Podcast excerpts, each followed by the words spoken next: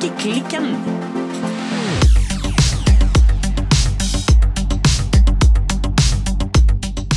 Hei, Silje. Hallo, Birte. Hallo, Silje. Du, Ja, hva strikker du på i dag? du Birte. Jeg har Ja. blitt en eh, polyamorøs strikker. Eller en Ja, polyfonisk polygon. men har ikke du alltid vært det, egentlig? Nei, Nei. nei, jeg er nok litt sånn som tar, min, eh, tar mitt ett strikkeprosjekt om gangen og jobber meg gjennom det stille og rolig. Men nå Ja. holder jeg på med to, altså. Ja, fortell. Ja, nei, altså jeg holder jo i utgangspunktet på med dette aftenstrikk og raumapleddet. Ja, Det vokser det, altså. det blir det stort? Ja, det, Ja. det- jeg tror det blir ganske Blir det stort? ja, jeg er veldig spent på Jeg fikk sånn sidebrok. eh. Blir det svære greier? Nei, det var dårlig Ulsteinvik. Nei, jo da. Nei, det, ja, det vokser det. Altså, nå, altså, det er sånn eh, du skal inn med striper, jeg tror det er åtte forskjellige farger. eller sånn. Ja. Og når du er ferdig med de åtte, så skal du repetere de åtte stripene en gang til. Så lenge du gidder. Så nå har jeg begynt på repetisjon. Men eh, sånn prosentvis, eh, hvor, eh, hvor langt du, vil du si du er kommet på dette pleddet? 47,5 Ah, så du er snart Sånn. halvveis? Eh, altså, jeg tar for god fisk, alt du sier nå. Ja, Ja, nei, altså kanskje ja, fyr- fyr- 43-44 prosent, tenker okay. jeg. Men ja, det er ikke så langt under halvveis. Jeg, altså, det kan være jeg legger på eh, gode 10-15 centimeter på slutten hvis jeg fortsetter å kose meg. ja. Så det kan være jeg egentlig er kommet kortere enn det, men sånn omtrent. Men i tillegg har jeg da begynt å strikke meg en genser også. Ja, fortell. Ja, altså dette her er jo da noe jeg strikker i dette garnet jeg kjøpte, det håndfargete garnet som jeg kjøpte fra Fjord Fibers. Ja. Fjord Fibers. Yes. Som for På strikkemarkedet. på stri Strikkernes Marked Bergen. Ja. Fjord Fibers holder for øvrig til like bak Ikea i Åsane. Ja. Så dit må vi dra på tur en dag og eh, snakke med Fuel Fibers. ja, det syns jeg var en veldig god idé. Ja, vi må, det er jo så gøy når vi drar på, når vi drar på roadtrip. Ja, vi må planlegge flere roadtrips framover nå. Helt klart. Ja. Nei, altså det er jo et garn som jeg kjøpte da, og som har ligget og um, ja, flørtet litt med meg. Ja, jeg vet.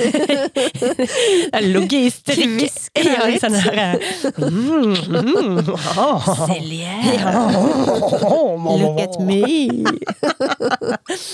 Jeg veit du vil ha meg! Så til slutt så måtte jeg bare gi etter og bare Ja, du har rett. Jeg har virkelig lyst. Ja, se på de fine krokanaktige fargene mine. Mm. Look at my colors. Ja, ja jeg, skjønner, jeg skjønner greien. Ja.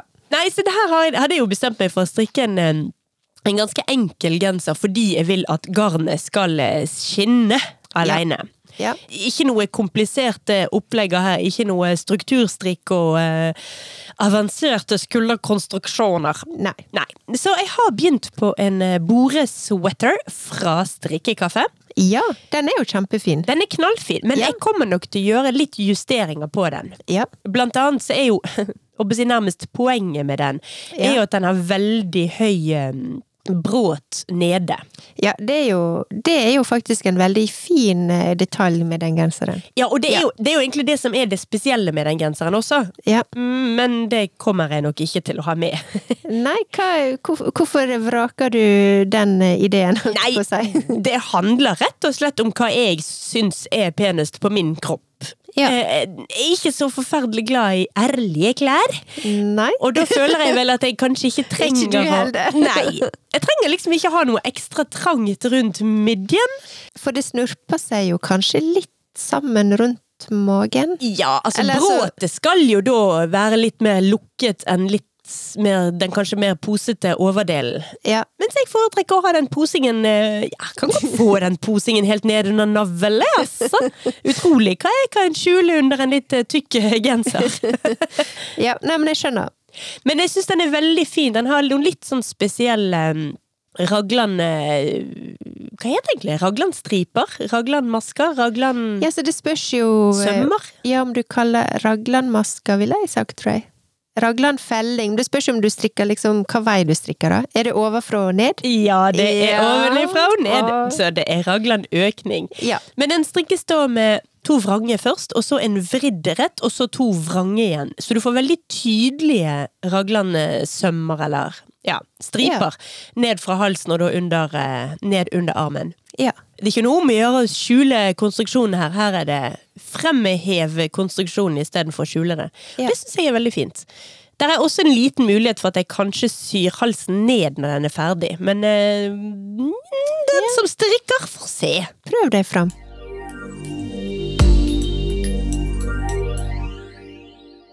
Enn du, Birtemor. Ja. Hva du strikker på i dag? Du, jeg prøver for harde livet nå å ferdigstille min eh, strikkeklikkalong. Emneknaggen strikkeklikkalong. Så um, altså, jeg må jo Jeg kan jo begynne å liksom markere den både som eh, ja, strikkeklikkalong, men også hashtag slow knitwear. Ja. For at det passer på meg. Eh, Ja. Om noe så er jeg en slow knitter. Frivillig eller ufrivillig. Ja, men altså, det er jo ikke så veldig rart at uh, ting tar litt tid når du strikker en hel bol, og så rekker den opp igjen, da. Det, ting har Ja. jo en tendens til å ta litt eh, tid når man rekker opp igjen hele tiden. Det ble bokstavelig talt noen uh, strafferunde på denne her strikkeklikkalongen min, men jeg så uh, det var nå noen flere der ute som også holdt på, og så veit vi at folk har kasta seg med på denne her knittalongen litt sånn etter hvert. Ja! Sånn at eh, den, den lever fortsatt, den, eh, den emneknaggen, så jeg vil anbefale alle til å søke opp eh, emneknaggen strikkeklikkalong. Ja. Og så se på alt eh, det kjekke som ligger der, som eh, folk fra fjern og nær eh, har strikka. Ja, helt klart. Vi burde kanskje ha en sånn oppsummering også og, på et eller annet tidspunkt, og få snakket oss litt gjennom de forskjellige tingene. Og... Ja, det syns jeg jeg absolutt vi skal gjøre. Ja. Men jeg setter inn støtet på min strikkeklikkalong, som er blitt en miks av Louisiana-genser og Lerkebagger sin No Limit Sweater. Oh, you mix and match, og Yes. lager din egen design. Ja, det har blitt en slags eh, fusjon mellom disse to. Ja. Og så har jeg også igjen cirka, vi snak, hvis vi snakker litt sånn eh, prosentvis, eh, så har jeg kanskje igjen 53 prosent av eh, ermet, Oh! understreka med E, ermet, på, eh, på min Ingen dikkedarer. I Ja. støvet elg. Ja, altså, her lever klassikerne. Ja, altså, jeg det gode liv. Jeg kjenner jeg kommer til å savne litt den dagen vi skal slutte å snakke om støvet elg. Jeg kan si jeg er ganske klar for å bli ferdig med den nå. I'm, I'm done with støvet elg. Men det blir en kjempefin eh, Jeg ser veldig fram til å få den klar. Den her Ingen dikkedarer er jo definitivt en genser som jeg tenker kan brukes året rundt. Ja, ja, ja. Den passer til våren, den passer på en eh, ikke varmeste sommerdagene, men nei, altså nei, en men altså. Ja, jeg skulle akkurat til å si Ja. det. Norske sommerkvelder passer perfekt med ullgenser, det, er altså. Ja, så den, den blir ferdig, jeg håper jeg, perfekt i tide. Litt mer uh, usikker på hvor um, Altså, jeg ser for meg at denne strikkeklikkalongen, altså strikkeklikkalonggenseren, den er nok litt tjukkere og litt eh, varmere. Ja. Så den kjenner jeg litt mer på at eh, den må jeg få ferdig nå før påske, sånn at jeg kan bruke den disse her eh, siste Altså, i dag er jo det grusomt kaldt ute. Ja, ja, ja. Nå Så- har jo våren tatt seg en liten pause igjen. Ja, så disse her siste kalde gufsedagene, eh, jeg må få den ferdig til det. Ja, jeg må bare si også at jeg syns det var gøy at vi nå begge målte veldig sånn Ja, jeg er ca. 47,3 ferdig. Jeg syns vi skal nesten nærmest ha en sånn slags kakediagram ja. på hvor ferdig vi er med de forskjellige prosjektene. Ja, Vi må ha litt mer struktur og mm, Ja, men det er litt mer- viktig. Visualisere for seg eh, ja, hvor langt vi er kommet. Ja.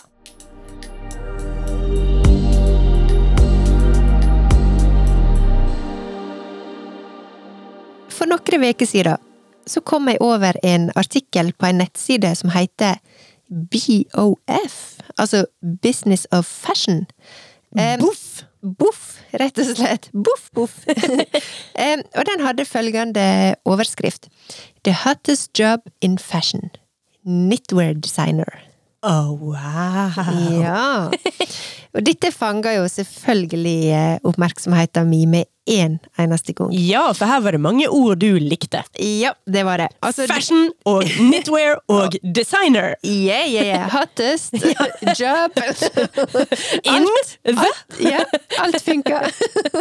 Em, men altså, det var jo ikke en sånn veldig stor overraskelse å lese det, for at i omtrent hver episode som vi har laga, vi er vel på nummer 62, Ja, noe sånt. Strikkeklikken episode 62 tror jeg vi er, tror vi er på. ja, 62 eller 63, så, så har jo vi alltid snakka om hvor eh, populært strikking er, Ja.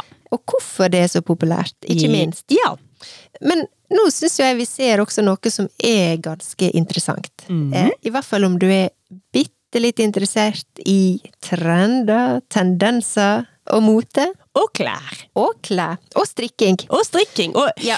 dette er jo ting vi i hvert fall er veldig opptatt av, og jeg Ja. vil jo tro at eh, i hvert fall to-tre av lytterne våre er interessert i de samme temaene. Ja, det håper jeg. Nei, for altså, dette for meg er et eksempel på mote som kommer, altså vi kan si nedenfra og opp. Ja. Eller altså som oppstår på grasrotnivå, eller eh, blant allmuen, kanskje? ja, men vi må jo jeg håper å si, back up litt nå. Nå, jeg, nå blir jeg George Costanza her. Beep, beep, beep, beep. Back up, back up. Nei, altså fordi at når vi snakker nå om uh, knitwear designers, Ja. så snakker vi altså ikke om uh, strikkeoppskriftdesignere. Nei, nå snakker vi om uh, noe litt annet. Altså, nå snakker vi om de uh, designerne som designer strikkeplagg til eksempel motehus og motemerker. Ja, for nå er vi på liksom litt sånn high session. Nå er vi på eh, ja, Jeg er jo helt feil person til å ramse opp, men Chanel og eh, Yves Saint Laurent og Hør hvor god jeg er på tullefransk. Ja, men vi snakker ikke nødvendigvis kun disse her eh, dyre, eksklusive luksusmerker. Altså, vi, vi snakker Vi kan ta det ned til eh, altså strikkeplagg som du kan kjøpe i butikken. Ja, Ja. til og med på henne som hører ut som kubus. Ja. Ja. Så det er den type designer vi snakker om. Folk som designer for eh, at andre skal strikke det. Eller maskiner skal strikke det. ja. For at andre skal kunne kjøpe en Ja. strikkegenser. Ja, Ja. got it! Så Ja. det er den hotteste jobben, altså. Ja, det er den hotteste. Eh, og så nevnte jeg litt det her med Altså nå Dette er eksempel på en mote som, som kommer nedenfra og opp.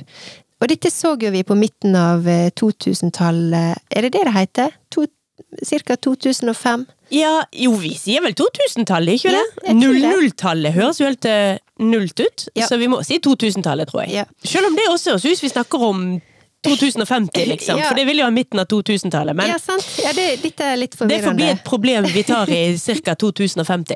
Ja. Litt forvirrende for meg, dette der. Men altså, sånn rundt 2005, da. Eh, da begynte vi å få de første motebloggene. Eh, og snart så så vi også at eh, motebloggerne begynte liksom å henge utafor motevisningene. De var ikke invitert inn, så de eh, troppa opp i jeg håper å si, eh, sitt beste outfit, og stjal eh, gradvis, men også ganske kjapt, eh, oppmerksomheten eh, fra det som skjedde inne. Og vi så at du fikk en litt sånn omvendt eh, maktstruktur, der plutselig den liksom gatemota eh, som disse da bloggerne, eller fasjonistene, eller hva vi skal kalle det, representerte, fikk veldig stor eh, innflytelse. Og veldig stor påvirkning på motebildet generelt. Det var liksom ikke disse her mytiske designerne, eller denne her eh, moteguden som tvinger mote ned på folket. Plutselig kom det liksom Den her maktstrukturen ble snudd. Ja. Og det syns jeg er veldig eh, gøy med, med det vi ser nå med knitwear, at denne populariteten som er kommet, den gjør at eh, Nå ser du at den tendensen, eller liksom den strikkemota, begynner å påvirke det generelle motebildet, og det har vi sett noen sesonger allerede. Ja, for det du mener det er at da disse her highfly-designerne de er da påvirket av folk sin hjemmestrikking? Ja, det virker Det kan virke sånn. Eh, altså, nå vet jo vi at under pandemien så har strikking blitt veldig populært. Ja. Eh, ikke bare her i Norge og Skandinavia, her har jo det vært stort, eh, jeg håper jeg nesten alltid. Ja. Eh, men også i hele verden.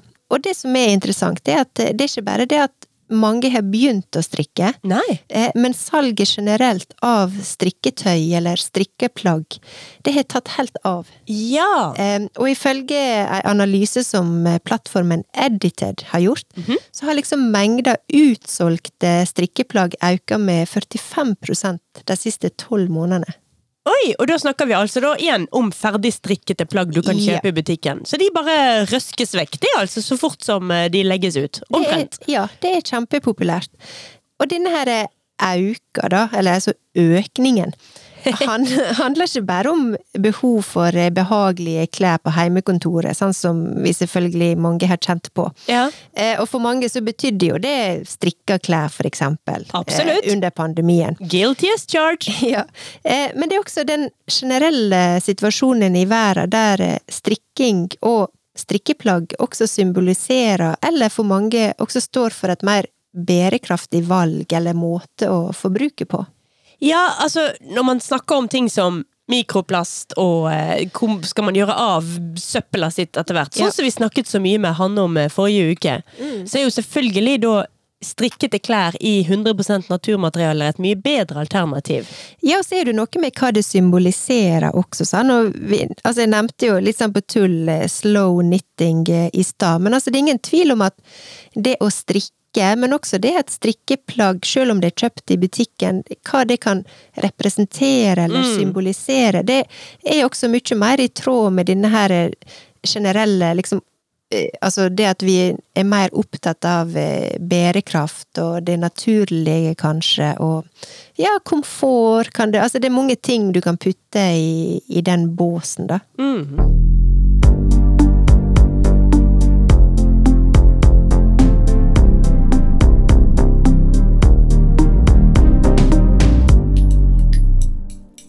Men alle disse her klesmerkene og klesleverandørene, de må jo også ha håper jeg, til eh, brød i maten, salt i maten, Ja, Til brød i maten, ja.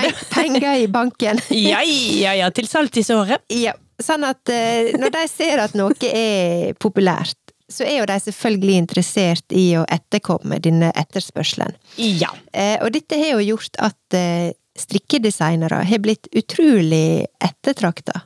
Ja. Ja, og her starter visstnok eh, utfordringene. Ok.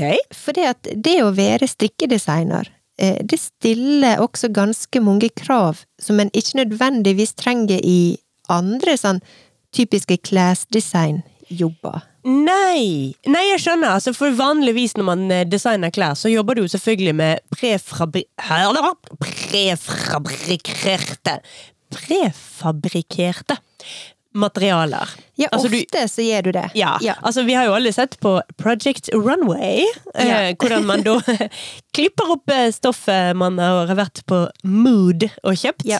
og syr klær av det. Men når du strikker, så lager du jo tekstilet fra eh, tråd.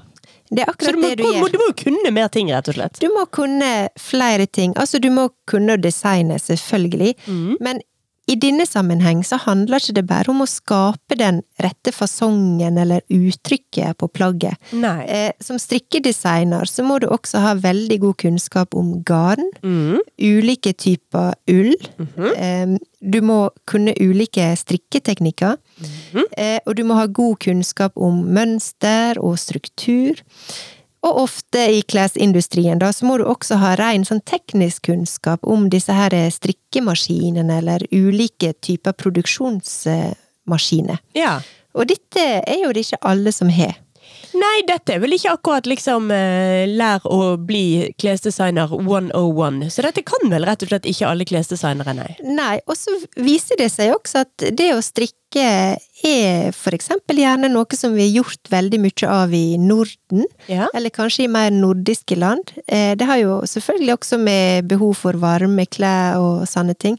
Sånn at eh, denne type på en måte kunnskap og kompetanse, det er ikke nødvendigvis like naturlig å ha for en som kommer fra Amerika, eller Ja, varmere strøk, strøk, Ja, for eksempel. selvfølgelig. Jeg ser jo for meg sånne, eh, sånne designere fra ja, Milano eller Paris. Fashion students. Fashion students fra Ja. Shanghai, for eksempel. De har jo ikke nødvendigvis den eh, strikkekunnskapen fått, fått den inn med morsmelken, sånn som man gjerne mer har gjort i Skandinavia, kanskje?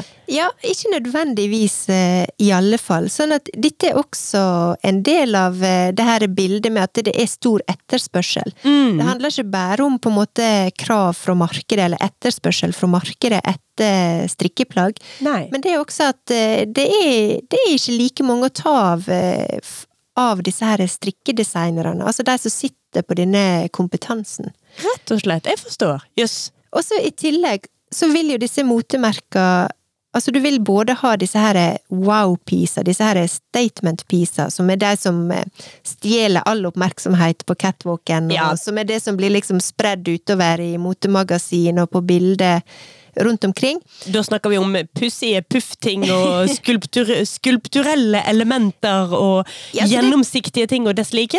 Det er jo av og til eh, nesten rene kunstverk, omtrent. sant? Mer det enn kanskje funksjonelt som plagg, for eksempel. Det skal Mm. vise ei retning, eller det skal vise et uttrykk som ikke nødvendigvis er det du ser igjen i butikken så mye. For det du ser i butikken, det er jo disse her basic, mer den basic strikken. Mm. Eh, og det er jo det de fleste kjøper og bruker. Men her trenger du liksom begge deler, da. Du trenger Fashion både forward. Ja. Du trenger både disse her statement-piecene, men også den her basic og ganske enkle, gode hverdagsstrikken. Mm.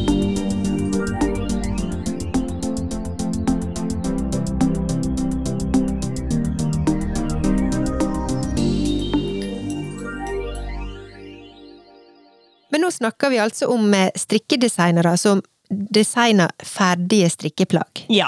for, mo for et mote eller klesmerke. Mm. Eh, dette er jo ikke de designerne som vi vanligvis snakker mest om her i podkasten. Nei, for Eh. dette er jo ikke designere som gir ut strikkeoppskrifter, og det er jo de vi bruker mest. Ja. Men så veit jo vi for eksempel at eh, sånn som Lerke Bagger, hun har designa eh, strikkeplagg for et klesmerke som heter Solland. Okay.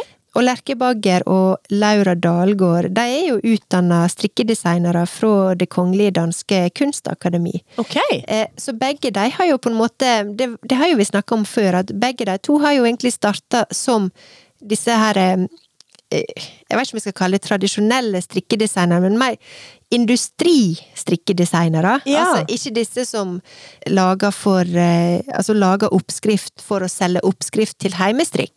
Kanskje vi skal skille mellom strikkedesignere og strikkeoppskriftsdesignere? Ja, det er det absolutt eh, poeng i å gjøre. Hvis vi klarer å holde tungen rett i munnen og si det riktig hver gang, i alle fall. Ja, jeg kan ikke love det. Nei, ikke jeg heller. Men altså, Lerke har jo også sagt at eh, da hun begynte å studere, så var ikke det et alternativ å designe sjøl og selge oppskrifter. Nei. Eh, Da var det mest eh, vanlig å få en jobb i eh, klesindustrien. Jobbe for et motehus eller et merke. Lage prøver, og så ble det sendt til en fabrikk i Asia for å bli produsert. Ja, vi har jo snakket om eh, tidligere, altså at i hvert fall i tidligere tider var det å lage strikkeoppskrifter for forskjellige ting og selge de, ikke en spesielt lukrativ jobb. Man fikk jo ikke nødvendigvis rettighetene, man blir ikke nødvendigvis kreditert i det hele tatt. Nei. Eh, og som vi vet at altså Lerke har jo heller ikke lansert sine egne oppskrifter for salg før den siste tida. Hun begynte jo med å legge ut denne her eh, Alone Together-svetteren eh, under pandemien på Stories. Ja, på rett og slett Instagram. Bare, Ja. Det var i hvert fall ikke noe prosjekt å tjene penger på. Se her, Nei. har du en oppskrift, den får du gratis. Det var mer eh, community og la oss eh, strikke sammen. Mm. men også kom jo hun med denne boka Strikk. Ja, eller strig, for han er jo på Ja. dansk strig. Og nå kan jeg si at eh, den boka har kommet på norsk, Oi, oi! så vi kan legge til en K. Så nå kan jeg faktisk si strikk. Ja, nå kan du si strikk. Ah, ja, det var på tide, for det begynte Ja. å bli litt kjedelig mot å si strug hver eneste gang vi skulle snakke om eh. Lerkebagger sin bok. Men, så den er kommet nå i, i norsk eh, utgave, og der er jo det mm, masse strikkeoppskrifter fra Lerkebagger. Men da får du altså tilgang til dem via boka hennes. Mm.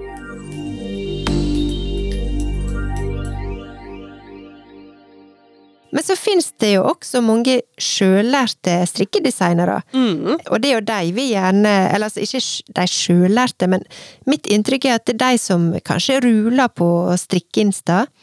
Mette Wendelboe Okkels, som vi kjenner best som Petit Knit. Petit, petité? Petit Knit. Ja. ja. Eh, hun var jo nesten ferdig utdanna lege eh, da hun bestemte seg for å gjøre altså strikking og strikkedesign til sitt levebrød. Ja. Så hun har jo tatt en, en litt annen vei, kan du si. ja. Og det finnes mange eksempel her på, eh, på folk som har eh, på en måte Ja, du strikker, og så blir du strikkedesigner. Du strikker, og så begynner du å tegne din neste plagg, og så tar Ja. du halsen fra den ene genseren du har strikket, og setter den sammen med skulderkonstruksjonen fra den andre, og materialet fra den tredje, og før og du vet ordet av det, så har du egentlig designet noe eget. Ja, og så eh, har jeg inntrykk av at det er ganske mange matematiske beregninger underveis. Så det er jo en litt sånn sammensatt, eh, sammensatt jobb. Ja, i hvert fall når du skal begynne å gjøre dette om til forskjellige størrelser og sånt. Én ting er jo å designe én genser for seg sjøl, hvor du bare holder den opp mot kroppen din og finner ut at så og så lang bør eh, et erme være, for så lang er mine armer. Ja. Men det er klart det er mye vanskeligere å skulle gi ut eh, strikkeoppskrifter kommersielt enn det.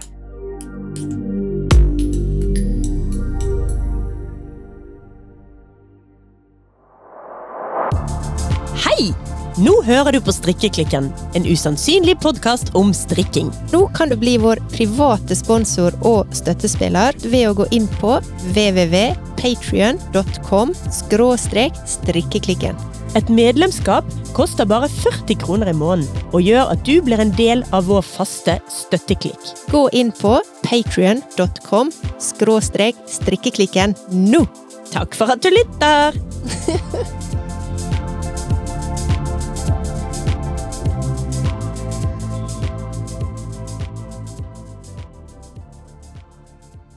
For i dag så snakker vi om litt sånn eh, high-fly eh. Ja, Folk som strikker for, eh, både for catwalken og for eh, motehus. ja, Så jeg kom over en artikkel, jeg også, på internettet. Ja. Hentet fra Vogue. Vogue UK. Din bibel. Ja, det, Ja. du har helt rett. De, de kaller meg Fashion Silje. Ja.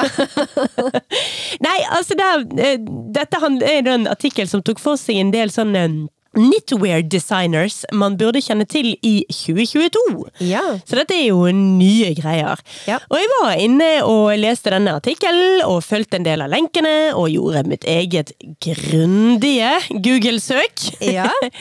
Tok et dypdykk. Ja. Så jeg tenkte jeg skulle nevne noen av disse her. da. Der er litt for mange i denne artikkelen til at jeg kan eh, gå inn på alle sammen. Men det var noen jeg har lyst til å fortelle litt om, og tenke at liksom folk, folk der ute kan ta en titt på. og om ikke nødvendigvis verken å gå og kjøpe akkurat deres plagg, eller nødvendigvis heller kopiere, så kanskje man kan la seg inspirere, i det minste. Ja. For jeg tenker jo uansett at um, vi hjemmestrikkere Jeg Ja. definerer meg sjøl som hjemmestrikker, ikke en eh, fasjonista. Ja. Men jeg syns jo det er veldig spennende å la meg inspirere av eh, folk som tenker litt utenfor boksen, og som gjør litt pussigere ting med strikkepinner også. Absolutt. Og så tror jeg vi skal glemme at eh, selv om strikking har blitt eh, veldig populært mm. Altså, det har jo vært populært tidligere, det har gått litt i bølger og sånn, men som vi har sagt før, nå er det kommet til en ny generasjon, og, og strikking kom under pandemien som ei kule. Men min påstand er jo at jeg tror jo de aller fleste fortsatt går og når de skal ha en strikkegenser, så går du og kjøper den i butikken. Ja, altså, det tror jeg nok flertallet gjør, men, nok, fl men flertallet av lytterne våre gjør nok ikke det. Nei, det har du helt rett Så vi har nok ikke et helt representativt eh, lytterutvalg, eh, rett og slett. Nei. Jeg tror rett og slett lytterne våre er mer enn gjennomsnittlig glad i å strikke. Det tror jeg også, men jeg, jeg tenker litt sånn, ja, altså jeg har jo skapet fullt av eh, strikkegensere fra, eh, jeg håper jeg, hine hårde dager, eh, og det er jo først de siste to åra at jeg har begynt å strikke mine egne. Så, og jeg tror jo det er mange som også er litt sånn som meg, da, som er superglad i strikke, strikkegensere, men som ikke nødvendigvis eh, alltid har strikka dem sjøl. Mm. Men for å komme tilbake til den eh, Vogue-artikkelen, da. Ja. En av de designerne som nevnes der, det er Katja Zelentsova. Ja. med Z på Zelensova. Hun er opprinnelig russisk, men jeg tror hun er bosatt i London. Jeg skal ikke si for sikkert. Ja. Hun er i hvert fall utdannet på Central St. Martin, og det er nå iallfall i London. Ja. Hun har også tidligere jobbet på flere sånne luksusmerker, blant annet Burberry og Marc Jacobs. Ja. Burberry er jo faktisk et av de få litt sånn fashionmerkene jeg liker veldig godt. Ja. Jeg syns de står for god kvalitet. Dessuten liker jeg ruter. Men, eh, men hun har tatt et ganske hva skal man si, langt skritt vekk derfra. For Ja. Burberry er jo kjent for å være veldig klassisk og veldig eh, propert og sobert merke. Ja så, det er ikke sånn veldig mye eksperimentering der, i hvert fall ikke i sånn uttrykk. Nei. Nei. Men det er det når Katja Selensova nå har gått solo. Ja. Hun, ble har allerede blitt på zoom, zoom, så da blir det solo. Ja. Nei, altså her er det veldig mye mm, hva skal man si, patchwork, altså lappeteppeteknikk. Hun er, Ja. som jeg allerede nevnte, opprinnelig russisk. Så det er en del sånn russisk bestemorestetikk, hvis du ser for deg sånn heklete eh, små duker og kluter. He, eh, sånne sengetepper, sånn bestemorstepper. Ja. Hvis du ser for deg biter av sånt sydd sammen litt på kryss og tvers. Ja. Litt sånn oppvaskeklut-estetikk. Veldig mye farger. Veldig lite varmende effekt. Veldig mye hull. Veldig mye nakenhet. ja mye hud, rett og slett. Veldig mye hud. Ja. Absolutt ikke anvendelig i det hele tatt i vårt klima. Her er det klær som har um, en um, estetisk funksjon, ikke en varmende funksjon. Og knapt nok en påkledende og dekkende funksjon. Altså, kommer det i kategorien ærlige klær, vil du si? Um, altså, hun er jo så på fashion-siden at alle bildene jeg har funnet av noen som har på seg hennes klær, er jo Ja. modeller. Ja. Så de blir jo ikke ærlige klær, fordi at modellene har jo ingenting Har jo ingenting som Ikke noe skal uærlig De har ikke noe uærlig, nei. Så der er Det går greit fordi at de har klær med ikke spesielt flatterende snitt, for de ser tynn og høy ut uansett. Ja. Men for min del så er ikke dette min smak i det hele tatt. Jeg syns det er gøy at det fins. Jeg Ja. eh, underholdes av det. Helt personlig så er jo ikke jeg så glad i dette her eh, ideen om wearable arts. Jeg syns det er noe litt eh, pretensiøst med det. Jeg er veldig glad i kunst. Eh, regner jeg med ingen blir sjokkert over at kunstner, kunsthistorikeren Silje er glad i kunst. Men jeg foretrekker å ha det andre steder enn på kroppen. Jo, men det kan du si, men der er vi litt tilbake igjen på det som jeg nevnte innledningsvis, at eh, forskjellige på en måte plagg kan ha forskjellige funks funksjoner. Og forskjellige designere kan også ha forskjellig utgangspunkt for, mm. for på en måte designet sitt, da. Og det er klart at eh, jeg tenker jo at eh, Jeg syns absolutt at eh, kunst kan være klær. Mm. Jeg syns ikke nødvendigvis det at det er klær gjør det mer pretensiøst enn annen kunst, nødvendigvis. Men det, det har en rolle, for det er jo noen som på en måte må utforske, eksperimentere, og ta ting litt sånn videre. Det er ikke nødvendigvis det som folk ender opp med å gå, men det kan også være utforsking av forskjellige teknikker, forskjellige materialer. Altså, der er, der er veldig mye godt arbeid som blir gjort i denne her litt sånn ville, kunstneriske utforskinga, men som likevel på et eller annet nivå kan dale ned til noe som er mer håndgripelig og, og mer mer funksjonelt, da. Men det er ikke nødvendigvis alltid du ser det der og da. Men jeg syns vi skal ha plass til, plass til begge deler.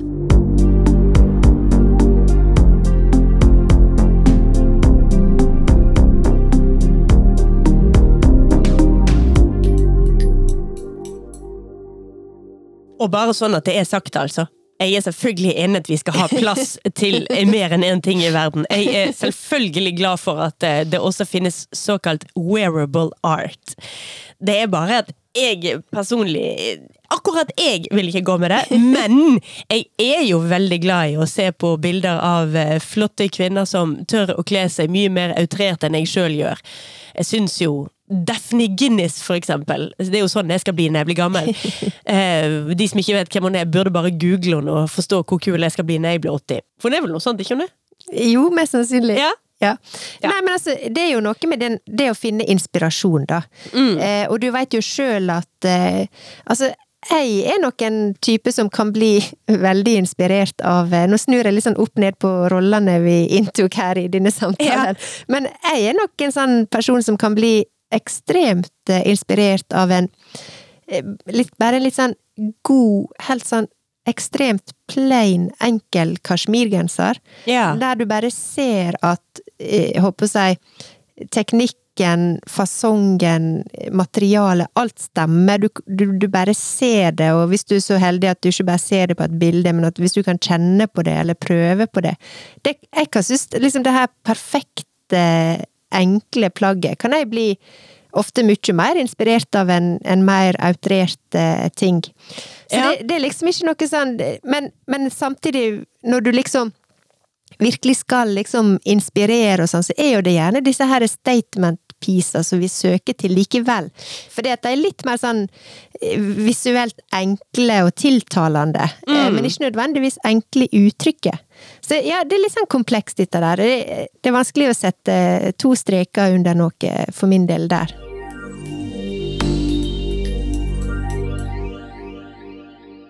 En annen som blir nevnt i denne her eh, Vogue-artikkelen om disse her eh, knitwear designers to know in eh, 2022. Ja. Det er en dansk designer som heter Røge Hove, eller Roege Hove. Ja. Amelia Røge Hove Gjertsen. Eller yep. Gjertsen er det vel? Gjertsen. Ja, Ja. Gjertsen. Men altså, roegehove.dk kan man jo for eksempel gå inn og se på hvis man vil se på det på, på internettet. Ja. Hun eh, startet da sitt eget eh, fashion label, Ja. som vi sier i Ulsteinvik. Motemerke. Motemerke. Motehus. Klesmerke. Ja. I, hun startet det i 2019. Hun lager da utelukkende strikkeklær. Veldig annerledes enn hun som er nevnt i sted, Katja Zelensova. Ja. Røge Hove har veldig sobre farger. Det er svart og grått og hvitt og ja, der er vel noen helt få innslag av farge, men da er det ikke på klær, da er det på accessory, nei, accessorize. Ja. Altså tilbehør. Der kan det komme litt farger inn. Men utenom det så er det også her litt sånn der ute. Det er skulpturelle ting. Det er ting som eh, Der er strikkeklær som ikke nødvendigvis har den store varmende effekten, og heller kanskje ikke nødvendigvis den store dekkende effekten. På bildene av klærne hennes. Ja, man kan jo alltids bruke en bh under, da, men det gjør ikke Ja. modeller, for Nei. å si det sånn. Nei. Men altså, jeg syns det er mye fint her. Altså, det er veldig sånn eh, skandinavisk, rene linjer, veldig rett, sobert, eh, ryddig, minimalistisk eh, Ja, men hun føyer seg inn i det som er blitt eh, den her liksom, skandinaviske designtradisjonen, da. Ja. Ja. Så hun er nok en man skal eh, følge litt med på, altså. I november 2021 så eh, ble hun faktisk anerkjent som en av Københavns sine store litt sånn her Rising Stars. Hvor hun da fikk, vant denne her den årlige Magasin du Nord sin eh, designpris. Ja. Eh, Hun er helt klart en å følge med på.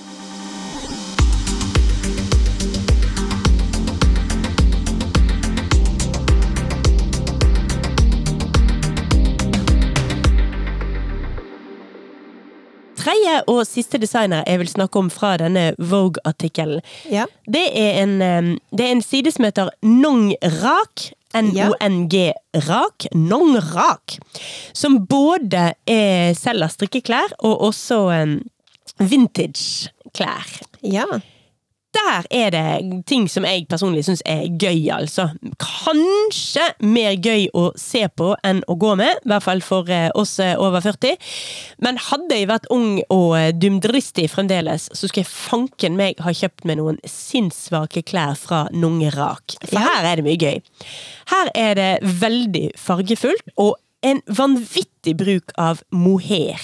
Her er det mohair pluss mohair, og så etter at du er ferdig med å strikke med mohair, så tar du en sånn bitte liten eh, kattebørste og fluffer det opp ekstra mye, og buster det litt ekstra til, sånn at du skal i hvert fall ikke være redd for å få små hårbiter i munnen når du går rundt med Nung Rak sine klær. Ja. Og når jeg sier klær, så er det forbausende mye hatter. Det er Ja. bøttehatter Å! i mohair. Men det er jo interessant for deg. Jeg er Eller- jo Ja! Jeg er tiltrukket av fenomenet bøttehatt Ja. på andre. ja. Jeg strikket meg jo for et års tid siden en eh, bøttehatt sjøl. Da Ja. ikke i mohair, jeg strikket den i bouclé-garn. Yes. Og gikk jo med den eh, bøttehatten to ganger.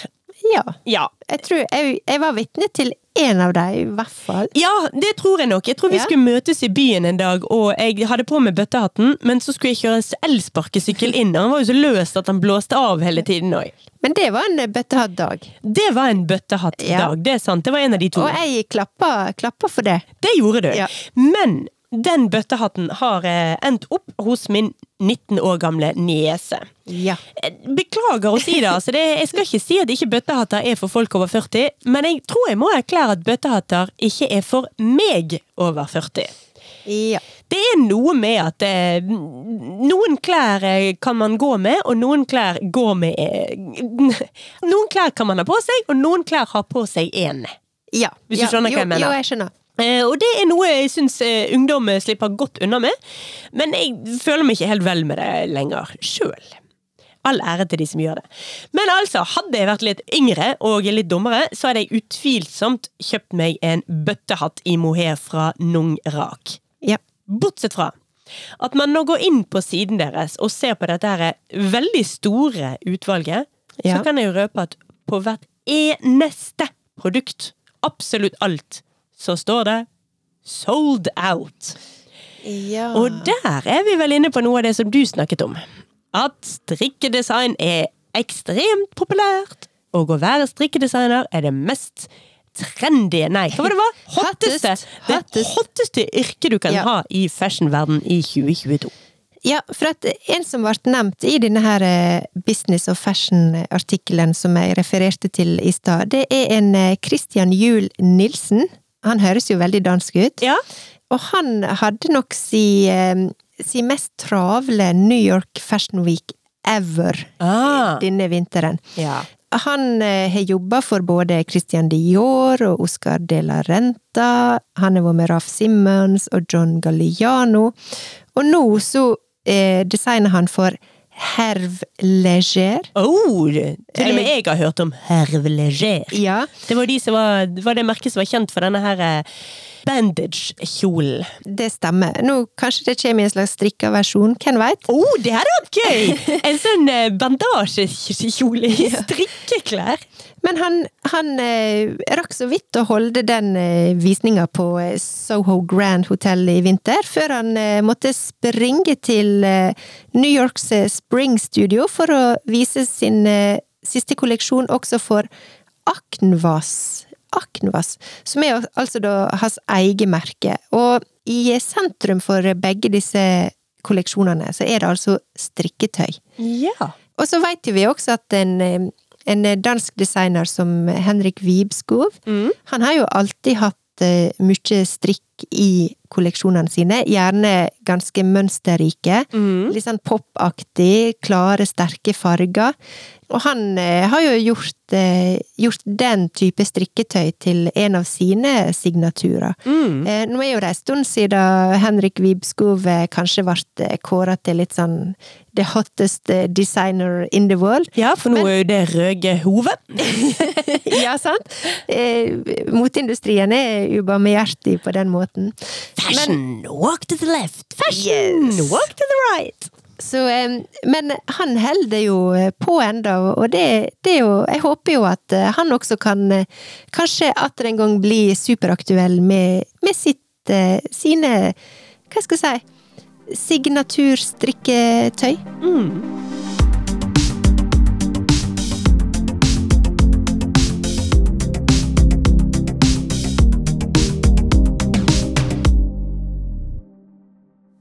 Vi jo snakket om highfly fashion-strikkere både fra, eh, fra utlandet og utlandet. Vi har snakket om både fra Danmark og eh, Asia og Russland og litt England. Ja. Men vi må jo også nevne minimum én norsk strikkedesigner som eh, er litt hotten, hot, hot i vinden for tiden. Ja. Og den jeg har lyst til å nevne da, er Ingunn Birkeland. Ja. Ingunn Birkeland har eh, drevet sitt eget eh, fashionhus, eh, motemerke, Ja. i Jeg tror det, jeg mener jeg begynner å bli ganske mange år. Altså, jeg mener hun var type 2014, noe sånt. 2013-ish. At det er så lenge siden hun startet. Merket der heter da Ingunn Birkeland Oslo, og hun er jo aller mest kjent for sånn veldig intens fargebruk Ja. og color blocking. Som jeg har lært at det heter på eh, Dette har jeg lært ved å se på RuPaul's Drag Race. Ja. Der, er- det er der jeg får mine Det er der jeg lærer om mote. Altså Det er jo det at man setter veldig skarpe farger mot hverandre. Ja. Eller som vi kaller det i fargeteorien, fargenes egen kontrast. Ja. Det er Ingunn Birkeland eh, veldig glad i. Men er det litt sånn color blocking på norsk? Eh, altså det er, du har én av syv fargekontraster du kan jobbe med, og fargenes egen kontrast er en av de. Ja. Så er du simultankontrast og valørkontrast, og jeg husker ikke alle akkurat i farten. ikke spør meg igjen. Nei, men det er litt interessant, for det er jo bare, eh, på godt norsk, yet another word in English. Som er litt sånn vanskelig å finne på norsk. Ja, det Ja. er jo det. Men Men jeg tipper folk forstår eh, hva vi mener med color blocking. ja, vi Ja. får satse på det. Ja. Men altså, Ingunn Birkeland, som altså har hatt, eh, eller har sikkert fremdeles, merket Ingunn Birkeland Oslo. Mm. Hun har da nylig gitt ut en bok som heter Ingunn Birkeland strikker. Ja. Det er vel ute på Gyldendal, hvis ikke jeg tar helt aldeles feil. Og strikkedesignet hennes har utvilsomt et slektskap til resten av klesdesignet hennes. Det er Ja. disse her eh, firkantene med color blocking eh, som går igjen. Ja. Du kan se for deg litt sånn eh, et maleri av Piet Mondrian, hvor du tegner opp et rutenett, eh, vertikale streker og horisontale streker, og så fargelegger du eh, områdene inni der. ja, for Piet Mondrian, han har jo noen veldig kjente bilder. Kanskje ett veldig kjent bilde? Altså, han har jo egentlig mer en stil enn akkurat ett bilde han er mest kjent for. Ja. Det er jo det disse her han brukte tjukk pensel og malte horisontale og vertikale striper i svart, og så fylte han inn noen av fargeflatene med primærfargene. Ja, for det er det jeg ser for meg. Noe, Ja. noe svart med noe gult og rett og blått og, Og det er det. Ja, Du ser det ikke det. for deg noe mer enn det, Nei. for det er det. Og Ja. oh, nå kommer en eh, digresjon her. Ja. Fun facts om Piet Mondrian. Ja. Han var nemlig ikke aleine om å male denne stilen her. Nei, Han hadde med seg sin kompis. så de var to. De var to. Theo, Theo van Dosenburg. Dette er vel et nederlandsk, altså Dutch-navn. Ja. Og jeg skal ikke begynne å uttale Dutch. Dosenburg. Dosenburg. Der gjorde du det likevel. Jeg gjorde det. Ja. Jeg kan det ikke i det hele tatt. Men uansett, de var altså to som var inne på denne her dogmemåten å male på. Ja. Horisontal, vertikal strek, eh, og så fylle inn med primærfagene. Ja. Piet Mondrian begynte av og til å snu lerretet, sånn at istedenfor å være liksom firkantet, så kan du se for deg at det var montert på veggen som om det var et eh, Ruter S. ja. Men da gikk likevel strekene vannrett og loddrett. Så da var han veldig dristig, med andre ord. Da var han dristig. Ja. Men Ja. så var det en dag hvor han andre, Theo, han snudde strekene. Altså det vil si at han hadde lerretet fremdeles hengende parallelt med gulvet og taket, men strekene gikk diagonalt inn i billedflaten istedenfor horisontalt og vertikalt. Litt på skrå, med andre Det gikk på skrå. Og så malte han fremdeles flatene med primærfargene. Ja. Men dette var brudd på dogmene. Så dette førte faktisk til at de to tidligere gode kompisene, Theo van Dusenburg og Piet Mondrian, de ble rett og slett uvenner. Oi. Og sluttet å snakke sammen. Og snakket ikke sammen resten av livet, og det tror jeg var over 20 år. Som det var. Så de snakker aldri mer. Nope. Det var rett og slett De ble aldri venner igjen etter at den ene gikk på skrå. Men det var bare en digresjon, fordi Imponerende, må jeg få lov å si. Ja, Ja. nei, altså jeg må jo egentlig tilbake til Ingunn Birkeland her. Ja. For hun bruker jo slett ikke primærfargene. Hun Nei. bruker alle fargene i, eh, male, i malepaletten. Ja. Eller kanskje ikke alle, for hun bruker ikke de skitne fargene. Men har hun mønster som går på skrå? Eh, nei, Ja, jo, på, på hans Har jeg sett noe på skrå? Ja. Altså, la oss håpe det går bra, i hvert fall. Ja. Hvis hun har noe på skrå. Så får vi håpe Ja. at det er innenfor. Men fargene hennes er nok mer um, i, ja, i landet med sterk rosa, sterk lilla, sterk gul, sterk eh, neon, turkis, Ja. grønn, mintgrønn. Ja. Men det er, du finner veldig lite såkalte brektefarger. Hun driver ikke med brunt og gusjete og mer gusjete og eh, 50 variation of beige. Nei. Nei, jeg ser veldig for meg veldig sånn eh, pastellhimmel når jeg tenker på fargeskalaen hennes. Ja, pastell, men veldig intens pastell. Det er ikke Ja. noe sånn Nei, ikke, ikke den varianten Ikke den dusaste, nei. Nei. Pastell på steroider, kan vi si det? Ja, kanskje. Ja, i et rutenettsystem. Og der kan man altså da finne hennes eh, strikkedesigner i boken Ingunn Birkeland strikker.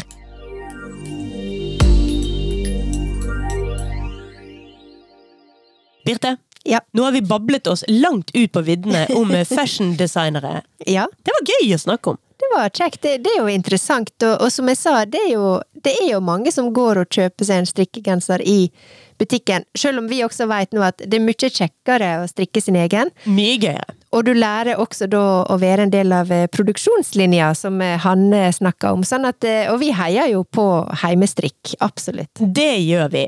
Og så må jeg også si at forrige uke med Hanne så snakket vi om at folk burde begynne å jobbe som ullvaskere og bærekraftsfolk. bærekraftsfolk. Og da kan vi jo legge til denne uken at et nytt eh, karrieretips kan være å bli eh, strikkedesigner for de store motehusene. For de mangler altså folk. Det mangler. Og eh, om noe så heier jo vi også på strikkeplagg generelt. La strikkinga ta over verden, enten om det er noe på den ene eller andre måten. Helt enig. Strikking vil redde verden. ja.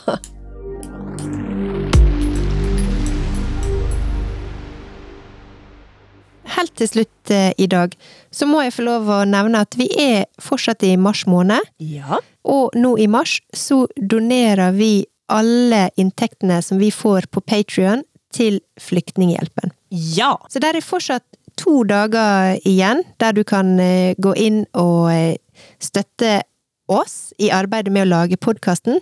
Men som sagt, hele bidraget vi får inn i mars, gir vi i sin helhet videre til Flyktninghjelpen, som også er veldig til stede i Ukraina, der det trengs nå. Ja. Det koster bare 40 kroner i måneden, og sånn kan man altså støtte både oss og Flyktninghjelpen. Ja, så gå inn på patrion.com skråstrek strikkeklikken. Og så må vi jo patrionsene våre, for vi har jo verdens beste patrions, som vi dessverre ikke har fått takket på altfor lenge. Nei, men nå er det på tide. Og da vil vi takke Herdis, Hege, Elin, Valborg, Nina, Ruth, Monica, Ingrid, Anne, Elise, Ida, Loveina, Hildegunnur, Magni, Ingunn, Stephanie, Heidi, Sofie, Kristel, Kari, Heidi, Kristin, Karianne, Eda, Åshild, Ann, Benny, Randi, Marianne, Line, Torborg, Renate, Ingvild, Melina, Ida, Wenche Jorunn. og Emilie. Tusen takk for at dere støtter Strikkeklikken. Med deres hjelp kan vi fortsette å lage episoder hver eneste uke. Ja, tusen hjertelig takk. Det var det vi hadde tid til i dag. Ja. Da gjenstår det rett og slett bare å si ha det på badet! Ha det på badet, Silje! Vi snakkes igjen om en uke. Ha det bra. hei! hei, hei! Vi ser det sammen.